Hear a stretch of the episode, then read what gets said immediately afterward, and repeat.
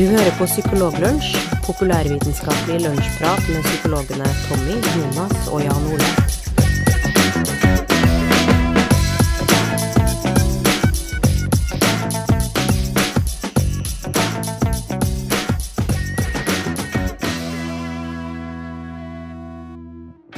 Hei og velkommen til en ny episode med Psykologlunsj. Vi har hatt en eh, velfortjent, syns vi, og lang påskeferie som eh, må vel ha begynt å blitt en måned eller noe sånt nå, eller kanskje fem uker, jeg vet ikke. Nå er vi i hvert fall på plass. Mitt navn er Tommy Mangerud, og med meg i dag har jeg som alltid eh, Jan Ole TV Hesselberg og Jonas Rumpeldunk, eh, doktor Våg. God dag, gutta. Jo, god dag. God dag, god dag. Den, eh, den, kanskje den største nyheten siden sist, det er jo at eh, jeg har skaffa meg PlayStation, som vi snakka om i forrige episode. Oi. Og, og vi er så glad for det. Det er. Alle, alle er glad for det. Bortsett fra de som er i din umiddelbare nærhet. Ja, altså med unntak av eh, de som betyr noe for meg, så, så, så er alle glad for det. Det som, det som jeg oppdaga, det er ganske fascinerende. Det er at eh, For i går så spilte jo da eh, min datter med Tommys datter. Det er mm. to niåringer. Og det var i hvert fall første gang min datter spilte online eh, eh, med noen andre. Og Mm. det var utrolig fascinerende å se hvor selvfølgelig de tok det.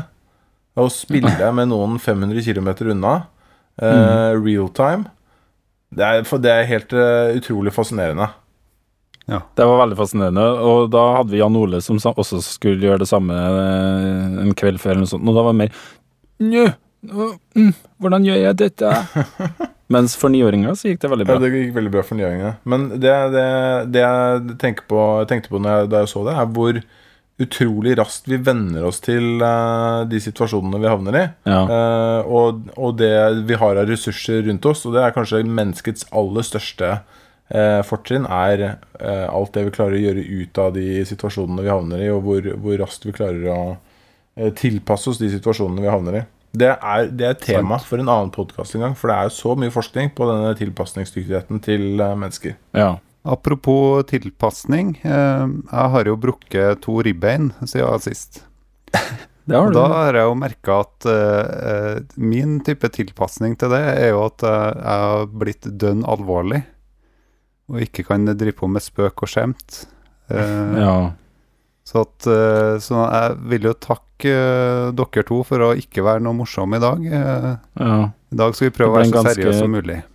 Ja, det ble en ganske trist og sånn ned, nedtona og dempa episode i dag. Det blir det. Hvor vi ikke snakker om noe morsomt. Det morsomste er jo, er jo måten Jonas brakk disse ribbeina på. Men det er, det er bare bonusmateriale som man må betale veldig dyrt for å få, få has på. Det kommer jo i den Ja. Psykologlunsj eh, behind the scenes-biografien som, eh, som dukker opp om noen år. Ja. Jeg har aldri hørt om noen som har greid å brekke ribbeina på den måten der. Hysj.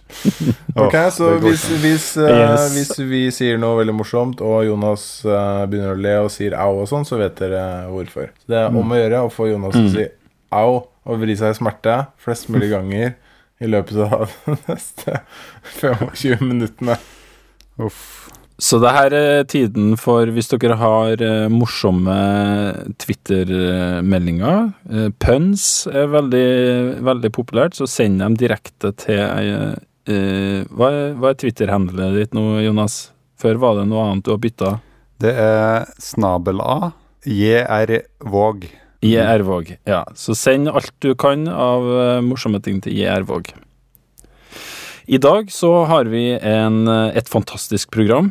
Det er kanskje det er noe av det bedre vi har å by på. Vi har Jonas som skal snakke om en nyhetssak knytta til et veldig kjent psykologisk fenomen, som alle som har studert psykologi i grunnfag eh, kjenner godt til. Og vi skal høre litt om noen av personene eh, som var involvert i eh, historien bak den effekten. Og eh, Jan Ole han skal eh, ta for seg et lyttespørsmål og snakke litt om noen problemer som kan oppstå i bofellesskap. Men først, doktor Våg, Hva har du å by på i dag? Jo, jeg, kan ikke puste heller, vet du. Det er jo det som er det verste. Det har jeg hørt veldig mange leger som har sagt at det er veldig Ja, viktig det er at du det. gjør. Jeg vet. Eh, nei, du, jeg skal snakke om en som heter Winston Mosley, som uh, nylig, da det, jeg, jeg følger med i et tidsskrift, eller egentlig en nettside, som heter Research Digest, som det er den britiske psykologforeninga som uh, administrerer. Og nå nylig, på Research Digest, så kom det en nyhetssak om at det var en som het Winston Mosley, som nettopp hadde dødd. Og det var den 28. mars. Så lurte jeg på hvem er Winston Mosley? Han har jeg ikke hørt om. Lurte veldig på hvem han var. Og det, så viste det seg at han eh, var jo involvert i en veldig kjent uh, liksom En av klassikerstudiene, eller vel klassikerfenomenene innenfor uh, sosialpsykologien, eh, nemlig bystander-effekten. Mm. Eh, For det var sånn i New York i 1964 så ble Kitty Genovese Hun ble utsatt for en bestialsk handling. Hun ble forfulgt, voldtatt og drept eh, på en eh, parkeringsplass. Og denne handlinga her foregikk over ganske lang tid. Mm. Mens det var ganske mange som var observatører, eller i hvert fall hørt denne handlingen. da. Så naboene til Kitty og Genovese hørte denne handlinga. Men så er det jo ganske kjent eh, for dem som har gått psykologi grunnfag, at de ikke greip inn Mm. eh, selv om hun desperat ropte etter hjelp, da. Og det var en hendelse som egentlig gikk litt i glemmeboka, men som eh, fikk veldig stor medieoppmerksomhet da Rosenthal grep tak i akkurat denne hendelsen og begynte å beskrive det som den såkalte bystander-effekten. da. Altså hvordan mennesker kan ha en tendens til å ikke gripe inn når ingen andre gjør det. En form for utvasking av ansvar, er det også blitt beskrevet som. Men det som gjør bystander-effekten og Kitty Genovese relevant i dag, det er at voldtektsmannen og morderen, han som heter Vincent Mosley, han eh, døde for to uker siden i fengsel eh, som 81-åring. Og så drev jeg og søkte opp litt på Mosley bare for å finne ut eh, hvem var egentlig han. Og da fant jeg ut at eh, Mosley han var på den tida hvor Genovese ble drept, da, så var Mosley en 29 år gammel mann fra Queens med kone og barn, som visstnok skal ha stått opp klokka to på natta. Den natta hvor eh, Kitty da ble drept. Hun skal ha forlatt leiligheten sin mens kona og barna sine sov, bare for å eh, dra ut på gata og finne et passende offer. da. Har han beskrevet i politietterforskninga. I tillegg til å ha drept eh, og voldtatt Kitty Genovese, så tilsto han å ha drept og misbrukt to andre kvinner òg. Og samt å ha gjennomført 30-40 sånne innbrudd og tyverier. Og han er blitt beskrevet som en seriemorder, eh, og politiet mistenkte også at han var nekrofil. Og han eh, tilbrakte de siste 52 årene av livet sitt i et høysikkerhetsfengsel. Han var opprinnelig dømt eh, til døden i den elektriske stolen, men vant en klage i 1967 som reduserte straffen fra henrettelse til livstidsfengsling. da. Eh, Men han, eh, også hele tida så var han under høysikkerhets... eh, Altså på en high security eh, eh, fengsel. da. Det som også var med Mosley, altså rett etter han fikk redusert straffa si, så ble han lagt inn på et sykehus i 1968. Og da klarte han å stikke av med pistolen til en av dem som passa på han. Så klarte han å rømme fra sykehuset. Og da endte han opp med å, å um, forgripe seg på ei dame til. Og i tillegg så holdt han gisla uh, at gunpoint, da, som de sier i USA. Vet ikke hva vi skulle kalle det på norsk. Mm. I hvert fall at en, eh, det var en sånn gisselsituasjon, da. Uh, hvor han slutt, til slutt ble fanga igjen. I etterkant av det så, så tok han en bachelorgrad i sosiologi i 1977. Og tilbrakt resten av livet sitt i fengsel, i high security. Så Mosley, da, den uh, forbryteren som står bak en av uh, det som har vist seg å være et av klassikerne innenfor psykologien. uh, han har i hvert fall ikke jeg hørt om på grunnfag, men han er da altså død for litt over to uker siden. Ja. Visste dere hva dette her, dere, eller? Det visste jeg ikke om. Nei?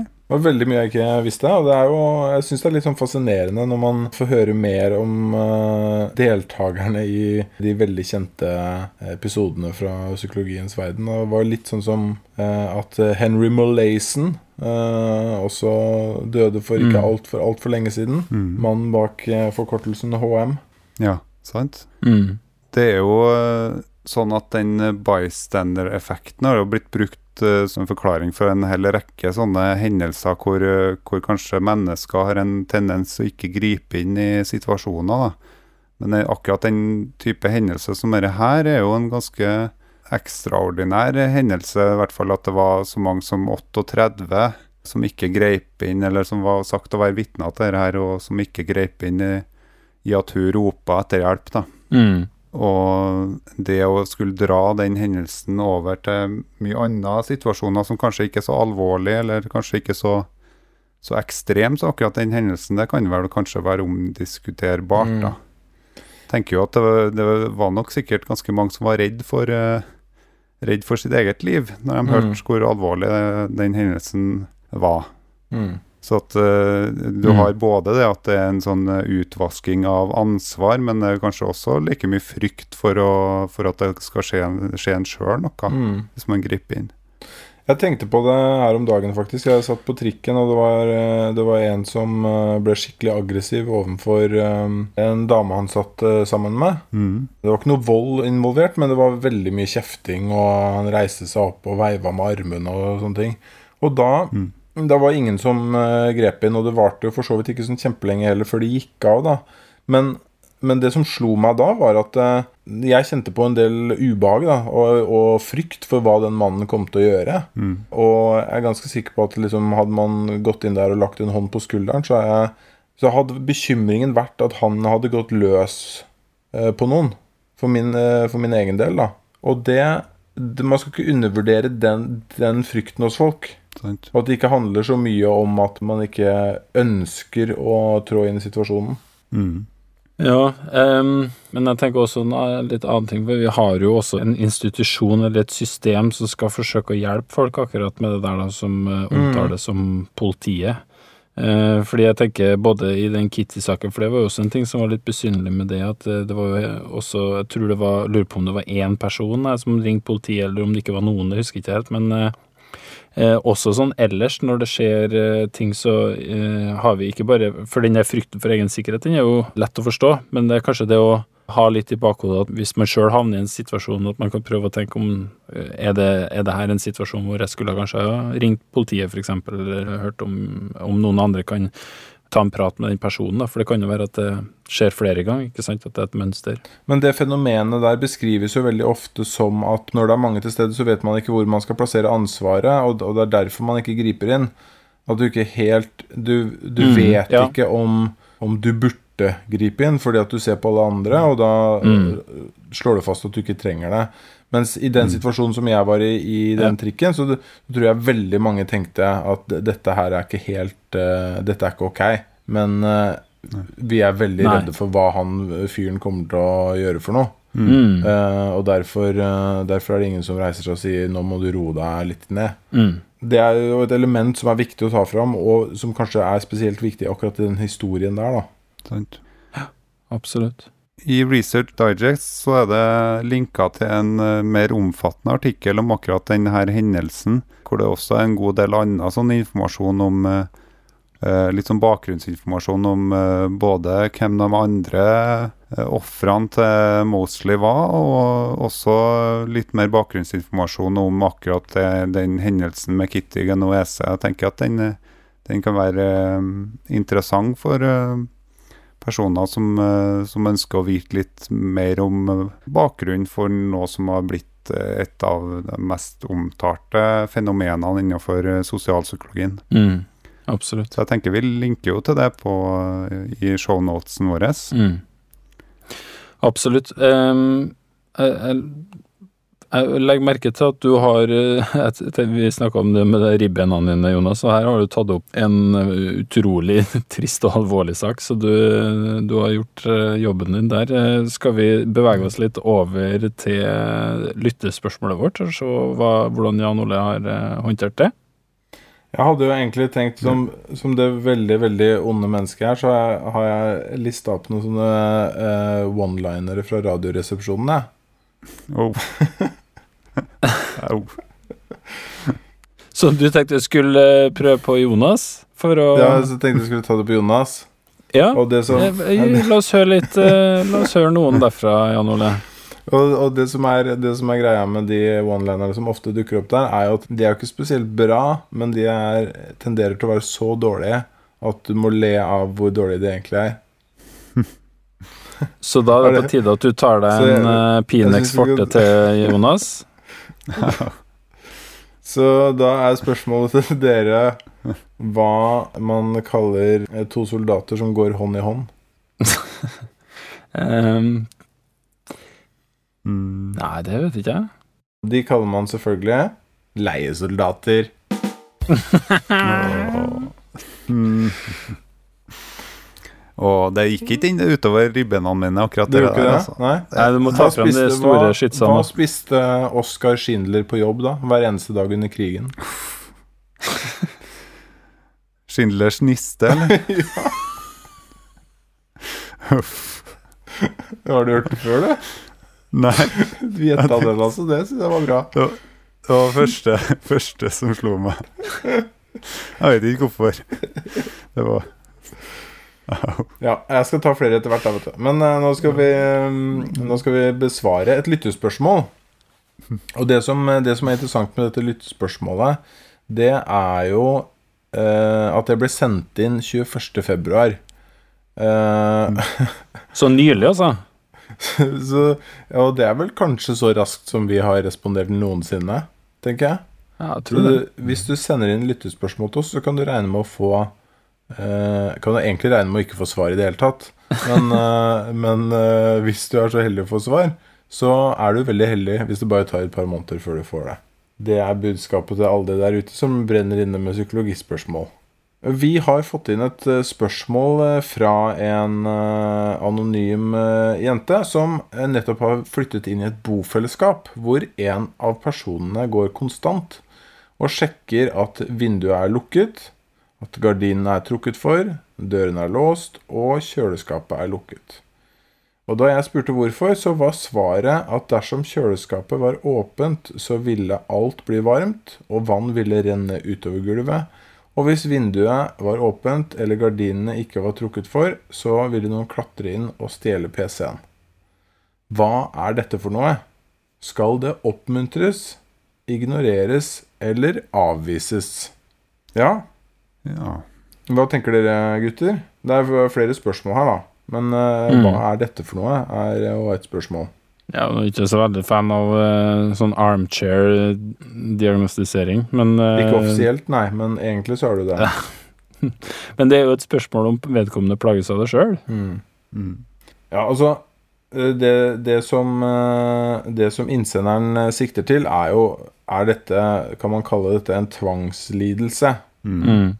Er vel egentlig det hun sikter til, eller OCD, som det også gjerne blir kalt.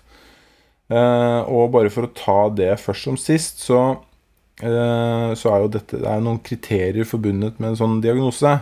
Mm. Og der hovedtrekket ved den diagnosen er tilbakevendende tvangstanker eller tvangshandlinger. Og da skal disse tvangstankene de skal være ideer eller forestillinger eller impulser som gjentatte ganger dukker opp i eh, bevisstheten, og som er ganske like hver gang. Og at man er engstelig, altså det skaper en eller annen form for ubehag eller eh, uro, angst. Og noen ganger at man føler at man må gjøre noe for å unngå at noe skjer. Det er da tvangshandlingene. Det er vanlig å bare ha tvangstanker, men det er ikke så vanlig å ha tvangshandlinger uten å ha tvangstanker. Det må være noe du Mm. er bekymra for. Mm.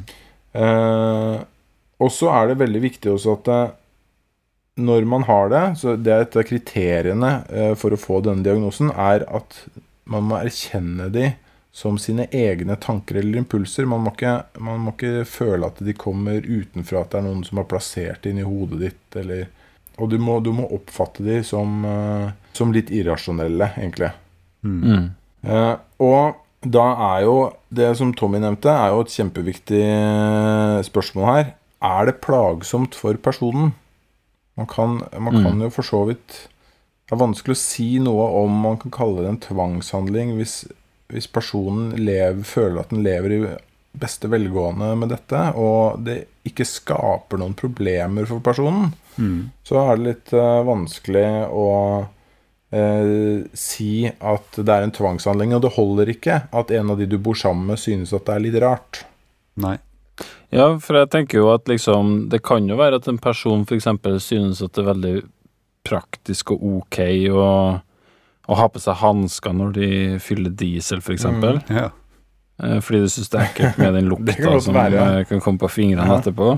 Selv om det, er, det høres ut som et spesielt sykt tilfelle, da. Og da tenker jo jeg at altså, det er helt innafor, på en måte. Altså, at det, det er helt greit. Men ikke sant? Det er forståelig, vil jeg si. si. det kan jo, kan jo hende han eh, bor sammen med noen som er litt uh, slepphendt med å ikke ha igjen uh, ha igjen kjøleskapdøra også, og har en tendens til å ha vinduet åpent på vidt gap fordi at det skal luftes eh, eh, 24 timer i døgnet. Så- Det er et veldig godt poeng. Altså, det kan jo være at eh, innsenderen er en slask av dimensjoner. Eh, og så Ja. alltid glemmer disse tingene. Og da, da det vil jo kunne skape ganske stort ubehag hos de man bor sammen med. For man føler at man hele tiden må sjekke fordi man bor sammen med en slask. Så, Ja. men eh, Så eh, det er litt avhengig av situasjonen man er i, om man kan kalle det det eller ikke. Men La oss nå si da at uh, altså innsenderen er- tenker åpenbart at dette her er en atferd som går litt utenpå det vanlige. Mm. Uh, Mm. Så la oss si at uh, man kanskje kan mistenke det. At eh, her er det snakk om en såpass store bekymringer at man kan kalle det for noe som ligner på en tvangs... at det er tvangshandlinger. Og da spør innsenderen skal det oppmuntres, ignoreres eller avvises. Og jeg kan vel kanskje, jeg kan vel kanskje Vi kan vel kanskje si at det ikke nødvendigvis skal oppmuntres. Det tror jeg vi Mm. Selv om vi ikke kjenner til denne situasjonen, så kan vi vel kanskje si at det ikke skal oppmuntres. Mm. Nei, men eh, hvis, eh, hvis man ser at dette her er noe som åpenbart eh, plager vedkommende, og, og det kanskje går utover altså daglig fungering, og at man vedkommende sliter med å komme seg ut Altså, hvis, hvis man bor i, Mm. i bofellesskap, så ser jeg for meg at det kanskje er en studietilværelse, da.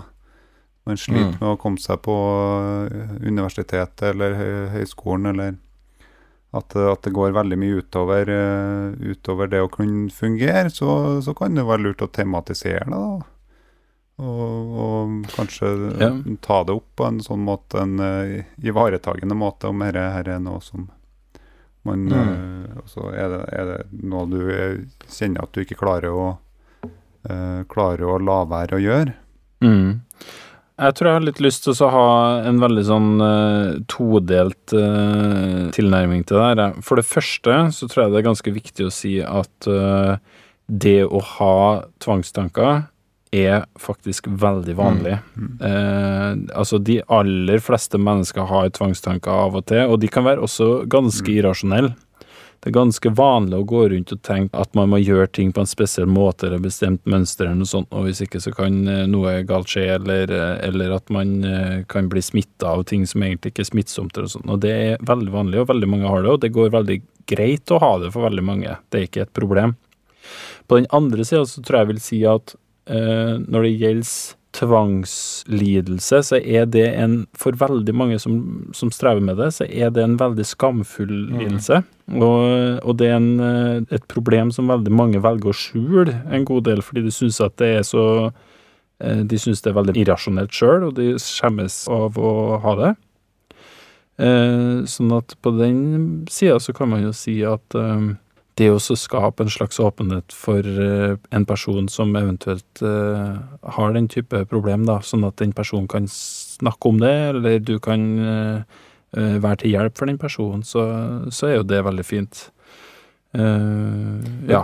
Jeg vet ikke hva dere tenker Jo, om det. altså jeg tror det, jeg tror det er viktig å, å være klar over at hvis man mistenker at det er, at det er, noe, er en tvangslidelse, Mm. så er jo dette antageligvis noe den personen også oppfatter som et ganske stort problem. Mm. Uh, og nå har de sikkert vært i en situasjon hvor man har følt at dette har vært litt unødvendig, og man har blitt litt irritert og sånn. Uh, og Mm. uh, og det, er, det betyr nok ikke at den personen, hvis den personen har vært irritert og kanskje sagt at du må huske å lukke dørene og trekke for gardinene og sånn, så betyr ikke det at den personen etterpå ikke nødvendigvis tenker at det, det var riktig å gjøre det. Det kan godt være den personen sitter Mm. på rommet sitt og, eh, som du sier, Tommy, er litt sånn skamfull og eh, føler seg dum og teit som har tatt det opp. Så det viktigste er jo å prøve å få en eh, dialog om det. Jeg syns ikke man skal ignorere det. Hvis man oppriktig er bekymra, så skal man ikke ignorere det. Da syns jeg at man skal ta det opp. Og man skal jo tross alt fungere sammen i dette bofellesskapet uansett. Ja. Så da kan man jo si at, det, at man føler at eh, det er å gå for langt, en del av de tingene. At det er å være for nøye. Og høre litt om hvorfor den personen mener at uh, alle disse tingene må gjøres på den måten, og hvorfor det må sjekkes så ofte. Mm.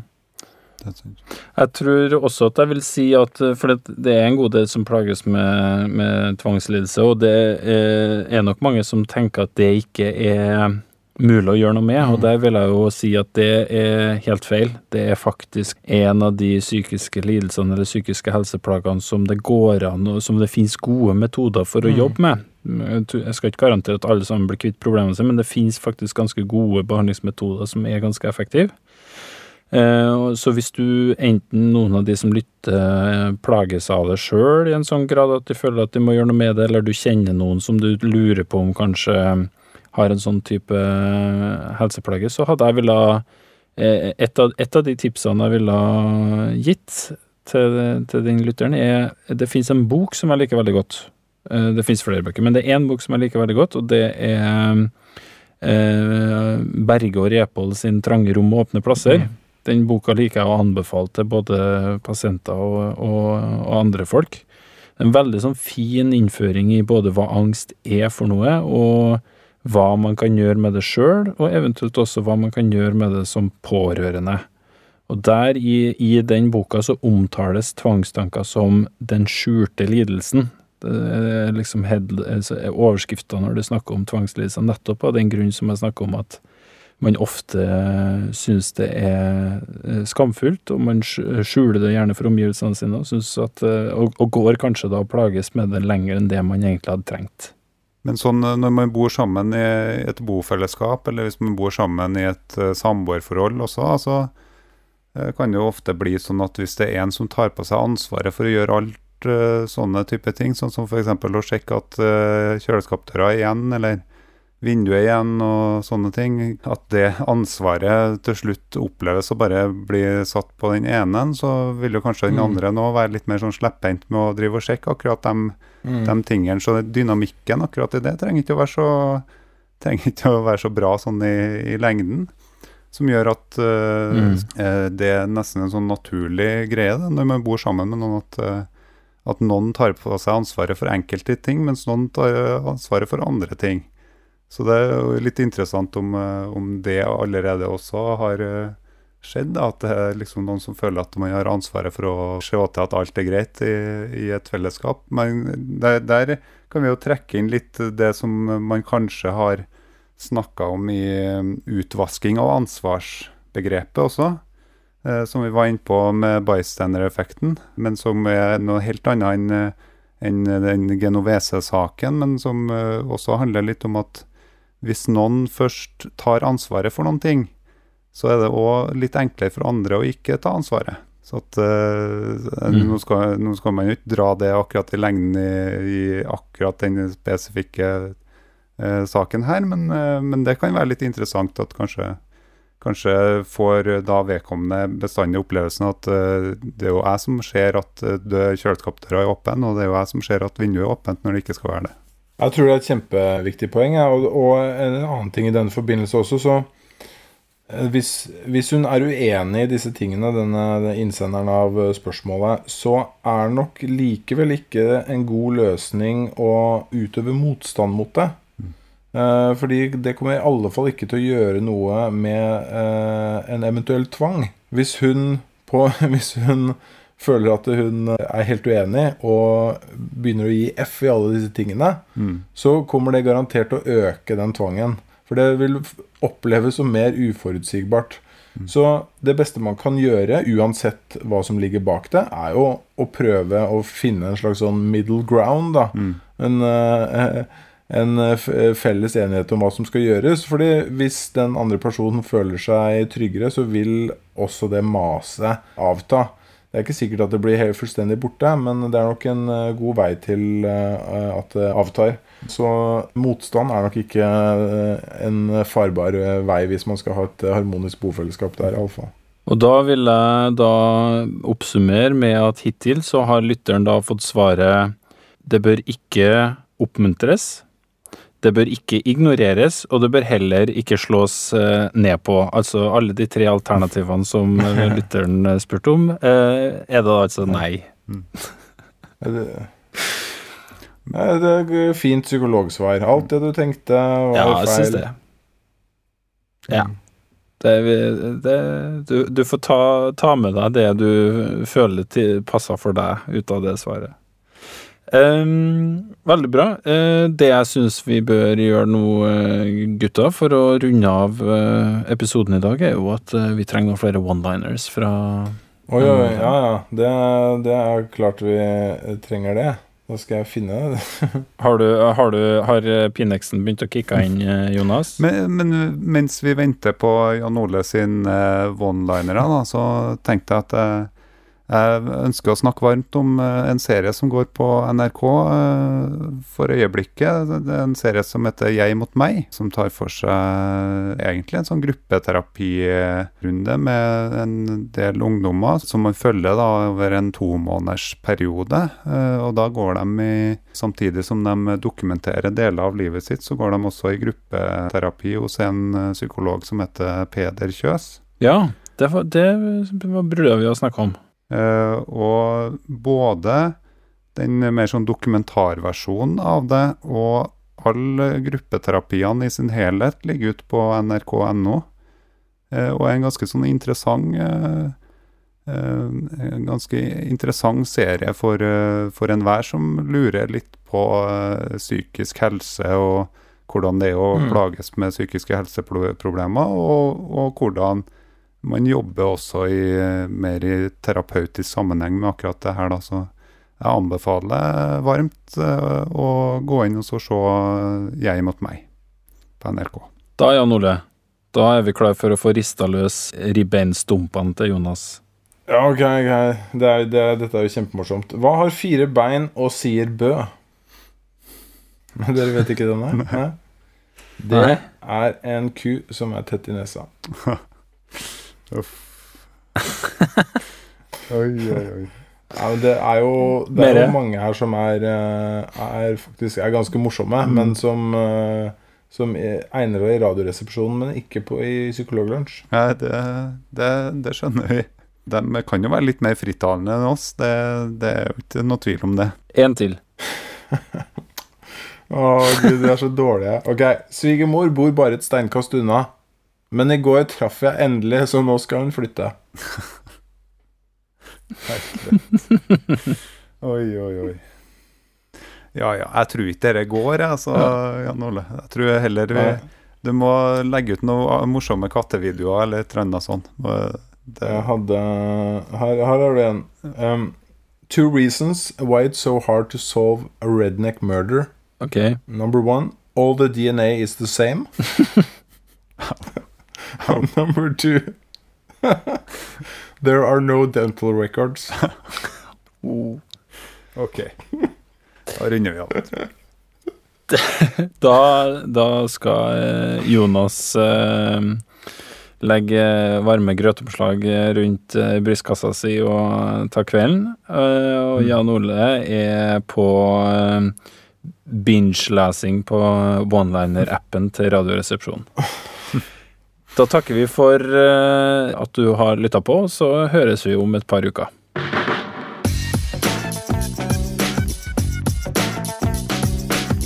Du har nå lytta til Psykologlunsj. Har du noen spørsmål, kan du søke opp Psykologlunsj på Twitter, eller du kan sende en e-post til psykologlunsj. Mer informasjon om temaet du har hørt i dag, finner du på psykologibloggen.no og tankesmed.no.